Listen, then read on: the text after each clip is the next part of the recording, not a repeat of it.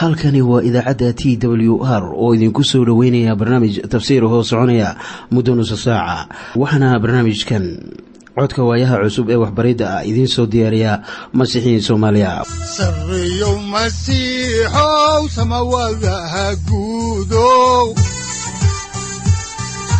Siraadkii adduunkow subanaha eebow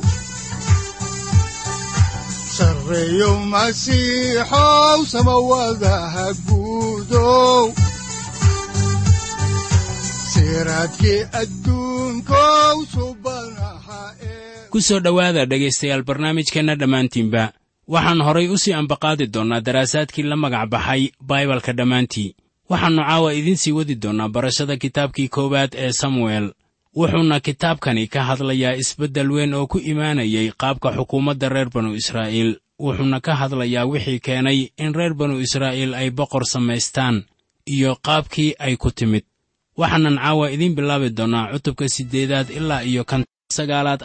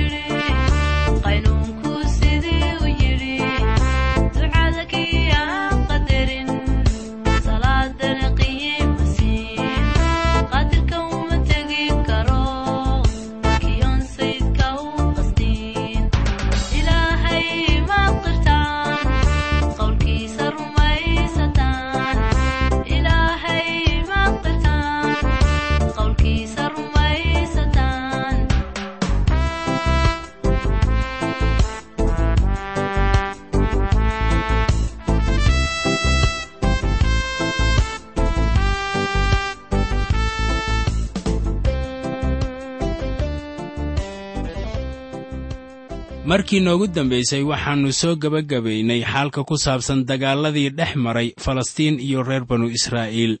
Markaasoo uu nebi samuel hoggaaminayey ciidamadii reer banu israa'iil. Markanna cutubka siddeedaad laba mawduuc buu ka hadlayaa. Waxaana ay kala yihiin israa'iil oo diidaysa ilaah oo doortay boqor. Waxaa xusuus ahaan ugu qoran kitaabka hosheeca cutubka saddex iyo tobanaad aayadda kow iyo tobanaad hadallada ku qoran samuelkii koowaad iyo kii labaad. Markaasoo ilaah uu lahaa anigoo xanaaqsan ayaan boqor idiin siiyey oo haddana anigoo cadhaysan ayaan idinka qaaday. Haddaba samuel wuxuu ahaa xaakin weyn iyo nin ilaah ka cabsada. Wuxuu ku soo koray taambuugga shirka halkaasoo uu hoos joogay sharkii wiilashii ceeli kuwaasoo rabbigu xukumay. Waxaad markaasi ogaataa wixii samuel uu sameeyey. Haddaan qisada horay idinku sii wadno oo aan eegno kitaabkii koowaad ee samuel cutubka siddeedaad aayadda koowaad ee baalka saddex boqol konton iyo saddex ee axdigii hore waxaa qoran sida tan. Oo markii samuel uu gaboobay ayuu wiilashiisii xaakinno uga dhigay reer banu israa'iil haddaba samuel wuxuu xaakinno uga dhigay reer banu israa'iil wiilashiisii inkastoo ayaan isagoo kale ahayn oo aanay welibana hawshan u qalmin. Ficilkan wuxuu ahaa qalad uu sameeyey samuel oo ahaa xaakin qadarin iyo sharafba lahaa oo ahaa nebi iyo nin ilaah ka cabsada. Laakiin halkan waxaa ka muuqda gaariwaa isla sidii awoowayaashiis iyo ceeliiba ay ahaayeen haddaan horay idinku sii wadno qisada oo aan eegno kitaabkii koowaad ee samuel cutubka siddeedaad aayadaha laba ilaa saddex waxaa qoran sida tan. Oo wiilkiisa curadka ahaa magaciisu wuxuu ahaa yo'eel. Wiilkiisii labaadna magaciisu wuxuu ahaa abiyaah oo waxay xaakinno ka ahaayeen bi'ershabec oo wiilashiisiina kuma ay socon jidadkiisii laakiinse waxay u leexdeen si ay faa'iido u helaan. Oo intay laaluush qaateen ayay gartii qalloociyeen waxaanay noqdeen niman aan innaba daacad ku macaamiloon markii ay laaluush qaateen. Miyaanay wax la yaab leh ahayn. Maanta waxaannu arkaynaa waxyaabo badan oo la mid ah waxyaabihii ay sameeyeen wiilashii samuel. Wadaaddo badan ayaa waxay i weyddiiyeen maxay carruurta culummadu dhasho ay u baadiyoobaan oy daroogo iyo qaad iyo khamri u cabaan. Haddaba taasi looma hayo fasiraad buuxda haddaba samuel wuxuu ahaa nin micno leh oo ilaah ka cabsada. Bal eeg iminka waxa wiilashiisii ay samaynayeen. Haddaan horay idinku sii wadno kitaabka koowaad ee samuel oo aan eegno cutubka siddeedaad aayadaha afar ilaa shan waxaa qoran sida tan. Markaasaa odayaashii reer banu israa'iil oo dhammu ay isa soo urursadeen oo samuel ay ugu yimaadeen raamaah oo waxay ku yidhaahdeen bal eeg waad gabowday oo wiilashaaduna kuma ay socdaan jidadkaagii. Haddaba noo yeel boqorna xukuma sida qurumaha kale oo dhan. Dadkii reer banu israa'iil waxay iminka weyddiisanayaan ama ay doonayaan boqor. Waxaa haddaba fikraddooda shidaya qurumaha ku wareegsan oo iyaga oo dhanba lahaa boqor.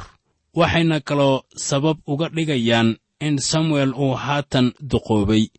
Wiilashiisuna ay laaluushqaatayaal yihiin oo ayan caddaaladda dadka u goynin haddaan horay idinku sii wadno oo aan eegno kitaabkii koowaad ee samuel waxaa qoran sida tan. Cutubka siddeedaad aayadaha lix ilaa toddobo. Laakiinse waxaasu samuel way la xumaayeen markii ay ku yidhaahdeen nasiib boqorna xukuma.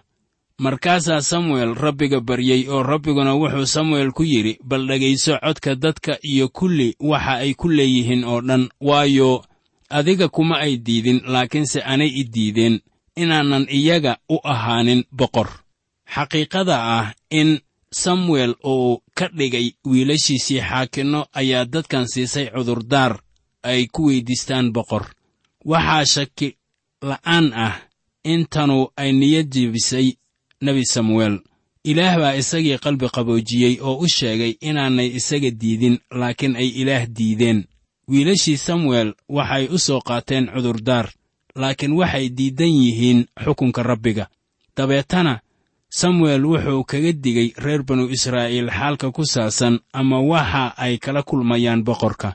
Wuxuu u sheegayaa in boqorka iyaga xukumaya oo wiilashooda askar ka dhigan doono gabdhahoodana cuntakariyayaal iyo qaadunno oo uu dhulkooda canabka iyo saytuunkana qaadan doono qaar welibana uu xoolahooda qaadan doono. Wuxuu ka dhigay in waxa ay iminka doonayaan ay u keeni doonaan inay qoomamo kala kulmaan oo uu rabbiguna dhegaysan doonin haddii ay boqorka ka soo cawdaan. Haddaan horay idinku sii wadno xigashada oo aan soo gunaanadno cutubkan oo aynu idin dulmarnay ayaa waxaa ku qoran cutubka siddeedaad aayadaha sagaal iyo toban ilaa laba iyo labaatan sida tan laakiinse dadkii way diideen inay dhegaystaan samuel codkiisii oo waxay yidhaahdeen maya laakiinse waxaannu yeelanaynaa boqor noo taliya si aannu ula mid noqonno qurumaha kale oo dhan oo uu boqorkayagu noogu taliyo oo uu noo horkaco oo uu noo dagaalamo wakhtiga diriirta. Oo samuelna wuu maqlay erayadii dadka oo dhan oo haddana wuxuu maqashiiyey dhegihii rabbiga. Markaasaa rabbigu wuxuu samuel ku yidhi codkooda maqal oo boqor u yeel iyaga. Markaasaa samuel wuxuu dadkii reer banu israa'iil ku yidhi taga oo ninkiin waluba magaaladiisii ha tago. Marka ay sidan tahay carruurtii reer banu israa'iil waxaa loo oggolaaday inay wixii ay doorteen ay helaan. Ilaah wuxuu siinayaa haddaba boqor.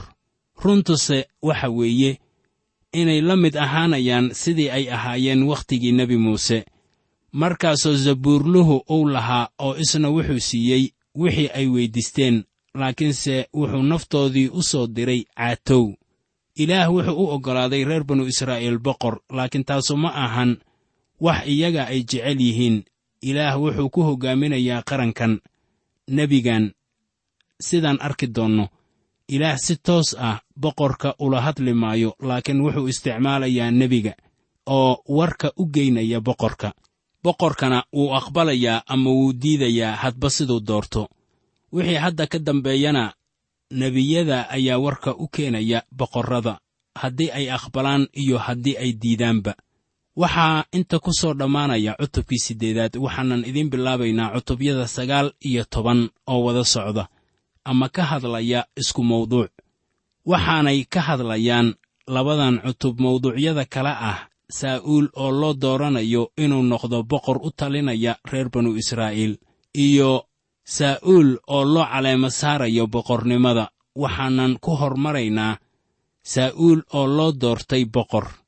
Cutubkan sagaalaad waxaa ka bilaabanaya qaybta labaad ee kitaabkan koowaad ee samuel waana qayb muhiim ah. Qaybtii koowaad waxay qusaysay samuel iminkana waxaa diiradda la saarayaa saa'uul saa'uul wuxuu ka mid yahay shakhsiyaadka yaabka leh ee ku qoran kitaabka. Isla sidii balcaam ayay dhib badan tahay in isna tafsiil laga bixiyo. Markaan eegno axdiga cusub iyo axdigii hore ayaad waxaad ku arkaysaa shakhsiyaad ku qoran baalasha qorninka oo aan la sifayn karin.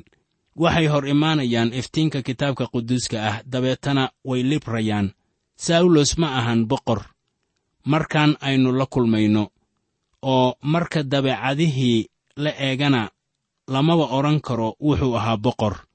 Waxaan markaasi iminka horay idinku sii wadaynaa xigashada kitaabka quduuska ah waxaanan eegaynaa kitaabkii koowaad ee samuel baalka saddex boqol afar iyo konton ee axdigii hore cutubka sagaalaad aayadda koowaad waxaana qoran sida tan.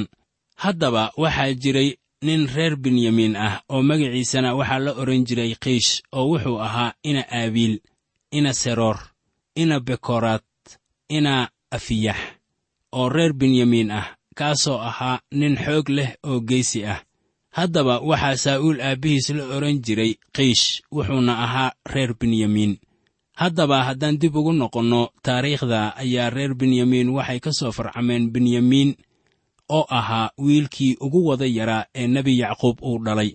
Wuxuuna ahaa mid yacquub aad uu u jeclaa hooyadiisna way umul raacday kadib markii uu dhashay. Oo markii ay dhimanaysay ayay magac u bixisay oo waxay tidhi kanu waa wiilkii murugtayda. Hase yeeshee nebi yacquub markii uu wiilkii eegay buu wuxuu yidhi kanu wiilka murugta ma ahan ee waa wiilkii gacantayda midig oo wuxuu u bixiyey benyamiin haddaba wiilka wuxuu ahaa wiilkii u jeclaa yacquub waxaana ilaalin jiray walaalihiis oo dhan. Waxaanan horay ugu soo aragnay wakhtigii xaakinnada ayaa qabiilkan la baabi'iyey waa qabiilka uu ka imaanayo boqorkii koowaad ee reer banu israa'iil. Haddaan markaasi ku soo noqonno qisada ku qoran kitaabka koowaad ee samuel ayaannu eegaynaa cutubka sagaalaad aayadda labaad waxaa qoran sida tan oo isna wuxuu lahaa wiil la yidhaahdo saa'uul oo ahaa nin dhallinyaro ah oo wanaagsan oo reer banu israa'iilna kuma jirin qof isaga ka wanaagsan. Garbihiisa iyo waxa ka sarreeyaba way ka dheeraayeen dadka kale oo dhan. Haddaba saa'uul wuxuu ahaa nin aad u qurux badan markii la eego hannaankiisa. Ayaad arkaysaa inuu lahaa hannaan boqortooyo laakiin wuxuu ahaa mid matela boqor oo ma ahayn boqor rasmi ah xagga qalbiga ama gudaha. Dadku waxay doortaan boqorkooda iyagoo eegaya sida uu u eg yahay laakiin aan fiirinaynin dabeecadihiisa. Dadka duniduna sidaas bay wax u doortaan. Ma eegaan shakhsiyadda qofka laakiin waxay eegayaan muuqaalkiisa. Reer banu israa'iil waxay iminka doonayaan boqor waxayna jeclaadeen inuu saa'uul boqorkooda ahaado waayo wuxuu ahaa nin quruxsan oo dheer oo soo jeed qurxoon waxaa haddaba qarankaasu uu haystaa nin leh muuqaalka boqorrada. Waxaa laga yaabaa inuu mateli karo un laakiin xagga niyadda isagu ma ahan boqor. Haddaan horay idinku sii wadno xigashada kitaabka oo aan eegno cutubka sagaalaad aayadda saddexaad waxaa qoran sida tan. Qiish oo ahaa saa'uul aabbihiis ayaa dameerihiisii ay ka lumeen. Markaasaa qiish wuxuu wiilkiisii saa'uul ku yidhi mididiinnada midkood kaxee oo kac oo dameerihii doondoon. Haddaba reer banu israa'iil waxay baadi goobayaan boqor. Saa'uulna iminka aabbihiis ayaa waxa uu u diray inuu goobo dameerihiisii oo u eg inay lumeen haddaan horay idinku sii wadno oo aan eegno samuelkii koowaad cutubka sagaalaad aayadda shanaad waxaa qoran sida tan. Oo markay yimaadeen dalkii reer suuf saa'uul wuxuu mididiinkiisii la socday ku yidhi inakeena aan noqonne waayo waaba intaasoo aabbahay dameerihiisii uu ka hawa go'aa ou innaga inaga fikiraaye. Boqor saa'uul iyo mididiinkiisii waxay meel waliba ka baareen dameerihii waana ay waayeen. Ugu dambayntii saa'uul wuxuu yidhi aynu noqonno waayo waaba intaasoo aabbahay dameerihii uu ka hawa go'aa uu innaga inaga fikiraa. Haddaan horay idinku sii wadno xigashada kitaabka oo aan eegno samuelka koowaad cutubka sagaalaad aayadaha lix ilaa siddeed waxaa qoran sida tan oo isna wuxuu ku yidhi bal eeg magaaladan waxaa jooga nin ilaah oo isna waxa weeyaan nin aad loo ciseeyo oo wax alla wixii uu yidhaahdaba run bay noqdaan. Haddaba bal innakeen aynu u tagnee. Mindhaa wax waa inooga sheegi karaa jidka aan mari doonno. Markaasaa saa'uul wuxuu mididiinkiisii ku yidhi war haddaynu u tagno maxaan u geynaa ninkan. Waayo kibistii weelasheenna waa ka dhammaatay oo ma hayno hadiyad aan u geyno ninka ilaah bal maxaynu haysannaa? Markaasaa mididiinkii mar kale uu u jawaabay saa'uul oo uu ku yidhi bal eeg gacanta waxaan ku hayaa rubac shaqal lacag ah. Haddaba kaasaan ninka ilaah siinayaa inuu jidkeenna inoo sheego aawadeed. Waxaa inta yaalla tafaasiil gaaban oo ruuxa quduuska ah uu inoo dhigay halkan. Haddaan horay idinku sii wadno kitaabka koowaad ee samuel cutubka sagaalaad aayadda sagaalaad ayaa waxaa qoran sida tan waagii hore reer banu israa'iil dhexdooda markii nin ilaah wax weyddiisanayo sidaan buu odhan jiray innakeena aan waxarkaha u tagnee waayo haatan kan la yidhaahdo nebi waagii hore waxaa la odhan jiray waxarke waxaa halkan yaalla isbeddel ku yimid waxarkaha haddaba dadka ilaah wax u muujiyo waxaa loogu yeedhi jiray waxarkayaal ilaah wuxuu doonayaa inuu magacyo ka duwan kan dadka kale uu u bixiyo loogu yeedho wuxuuna haatan ugu yeedrayaa nebi. Ilaah wuxuu doonayaa inuu magacyo ka duwan kan dadka kale loogu yeedho inuu u bixiyo wuxuuna haatan ugu yeedrayaa nebi waxarkayaasha waxaanay tanu ay ka dhigaysaa samuelkii ugu horreeyey nebiyada inkastoo muuse loogu yeedho nebi ayaa samuel keliya uu ahaa kii ugu horreeyey nebiyada. Samuel weeye dabcan kan saa'uul iyo mididiinkiisu ay ka hadlayaan. Haddaan dib ugu noqonno kitaabka oo aan eegno aayadda afar iyo tobanaad ee cutubka sagaalaad ayaa waxaa qoran sida tan. Markaasay magaaladii u kaceen oo markay magaaladii soo galeen bal eeg waxaa iyagii ka soo hor baxay samuel oo socda meeshii sare haddaba taasi loolama jeedo in samuel uu iska sarraysiinayey ama uu necbanaa saa'uul iyo qaadunkiisa waxaase taasu ay ka micno tahay inuu kula kulmay jidka. Haddaan horay idinku sii wadno xigashada oo aan eegno aayadda shan iyo tobanaad ayaa waxaa qoran sida tan. Haddaba rabbiga wax buu samuel u muujiyey maalin ka horraysay intaan saa'uul iman su'aasha sida badan laysweydinayo waxa weeye sidee buu ilaah nebiyadiisa ula hadli jiray wakhtiyadii axdigii hore? Ilaah si caadi ah ayuu ula hadli jiray nebiyadiisa oo wax buu u sheegi jiray si la mid ah sida annagaba aynu u wada hadalno iminka. Saa'uulna ilaah baa la hadlay. Haddaan qisada halkaasi idinka sii wadno oo aan eegno kitaabkii koowaad ee samuel cutubka sagaalaad aayadda lix iyo tobanaad waxaa qoran sida tan berri hadda oo kale waxaan kuu soo dirayaa nin ka yimid dalka reer benyamiin haddaba waa inaad isaga subagtaa inuu amiir u ahaado dadkayga reer banu israa'iil oo isna wuxuu dadkayga ka badbaadin doonaa gacanta reer falastiin. Waayo anigu waxaan soo dhugtay dadkayga maxaa yeelay oohintoodii baa i soo gaadhay. Marar badan baa ilaah oo ka jawaabayaa baryadeenna siday inala tahay mar aan loo baahnayn markii aynu rabbiga u cabanno. Wax kastoo aynu doon doonnaba ayuu ugu dambayntii inoo sameeyaa waxa aynu doonayno. Wuxuuna inoo yeelaa codsigeenna. Markii reer banu israa'iil ay degganaayeen lamadegaanka waxay ilaah weyddiisteen hilib. Ilaahna wuxuu u soo diray hilibkii ay weyddiisteen laakiin wuxuu nafsaddoodii u soo diray caatow haddaba sababtaasi aawadeed ayaa innaguna loo baahan yahay inaynaan si toos ah wax u weyddiisan laakiin aynu u soo marno masiixa.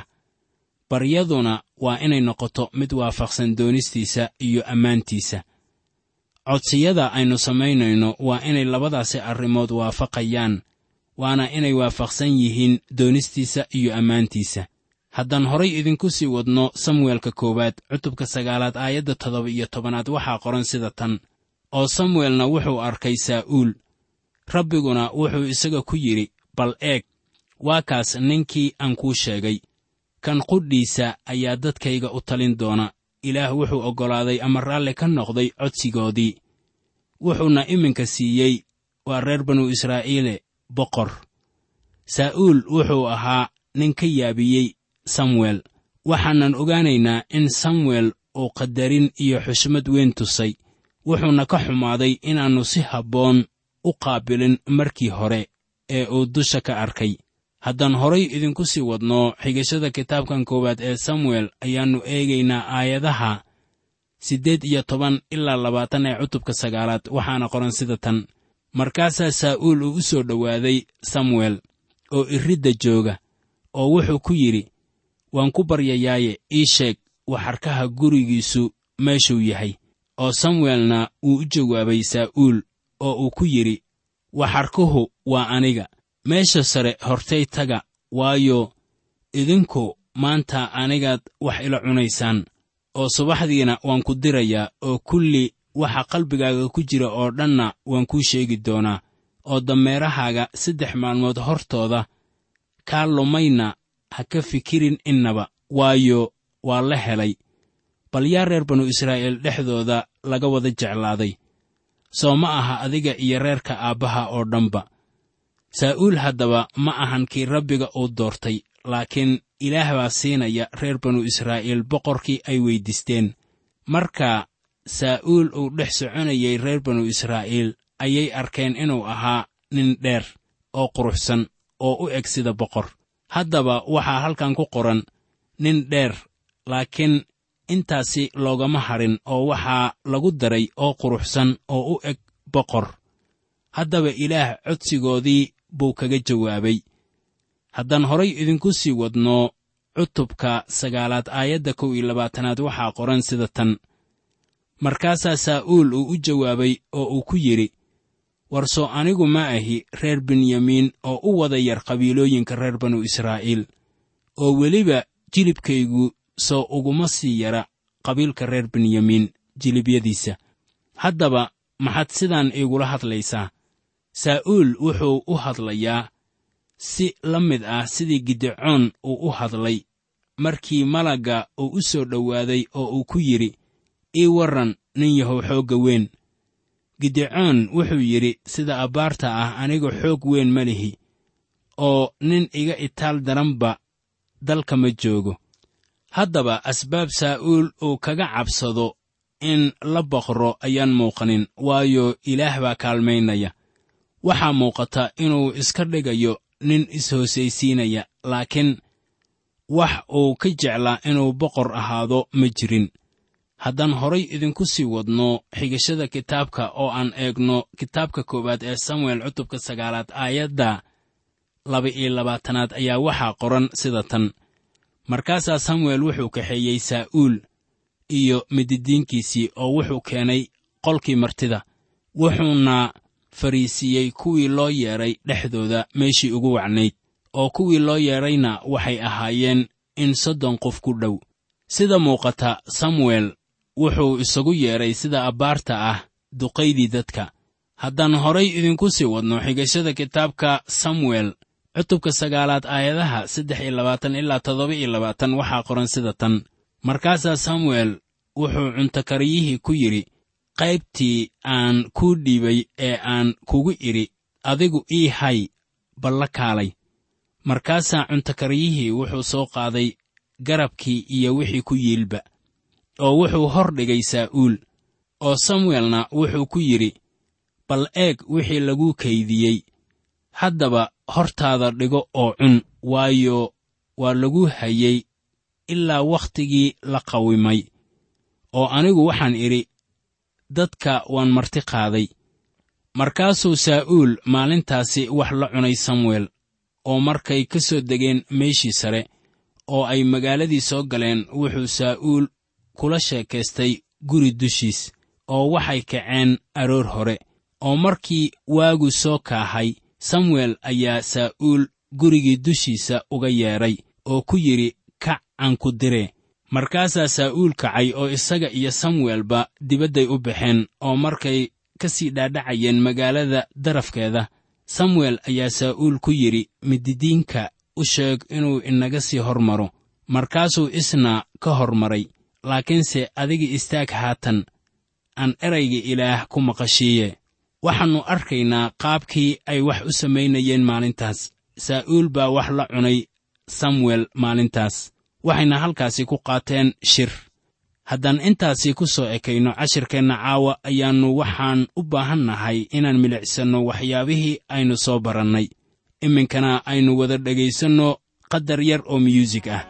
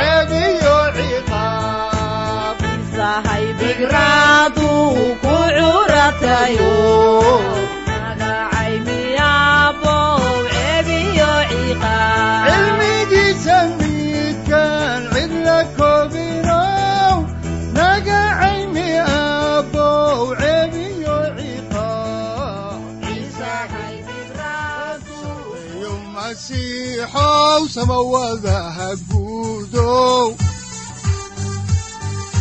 Siraadkii adduunkow subanaha eebow.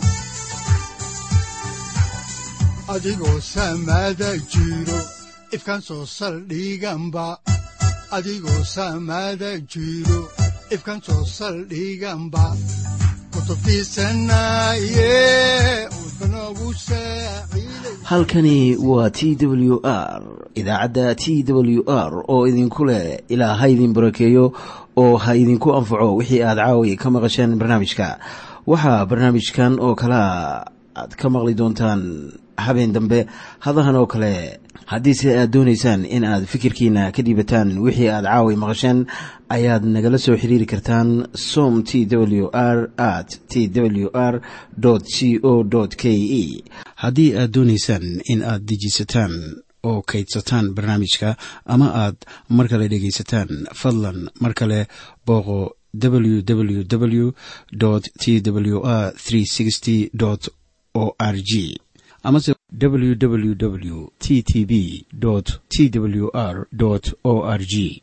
Amase waxaad teleefoonkaaga ku kaydsataa ama ku download garaysataa agabyada ku sahli karaa dhegeysiga t w r haddii aad doonayso in laga kaalmeeyo dhinacyada fahamka kitaabka amase aad u baahan tahay duco fadlan fariimahaaga soo mari bogga aaraahda ama kommentska inana jawaab degdeg ah ayaanu ku soo diri doonaa amase ku siin doonaaye sareeyow masiixow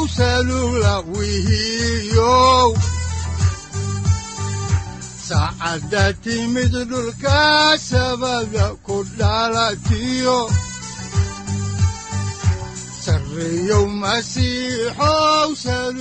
halkani waa t w r oo idiin rajaynaya habeen baraare iyo barwaaqaba leh.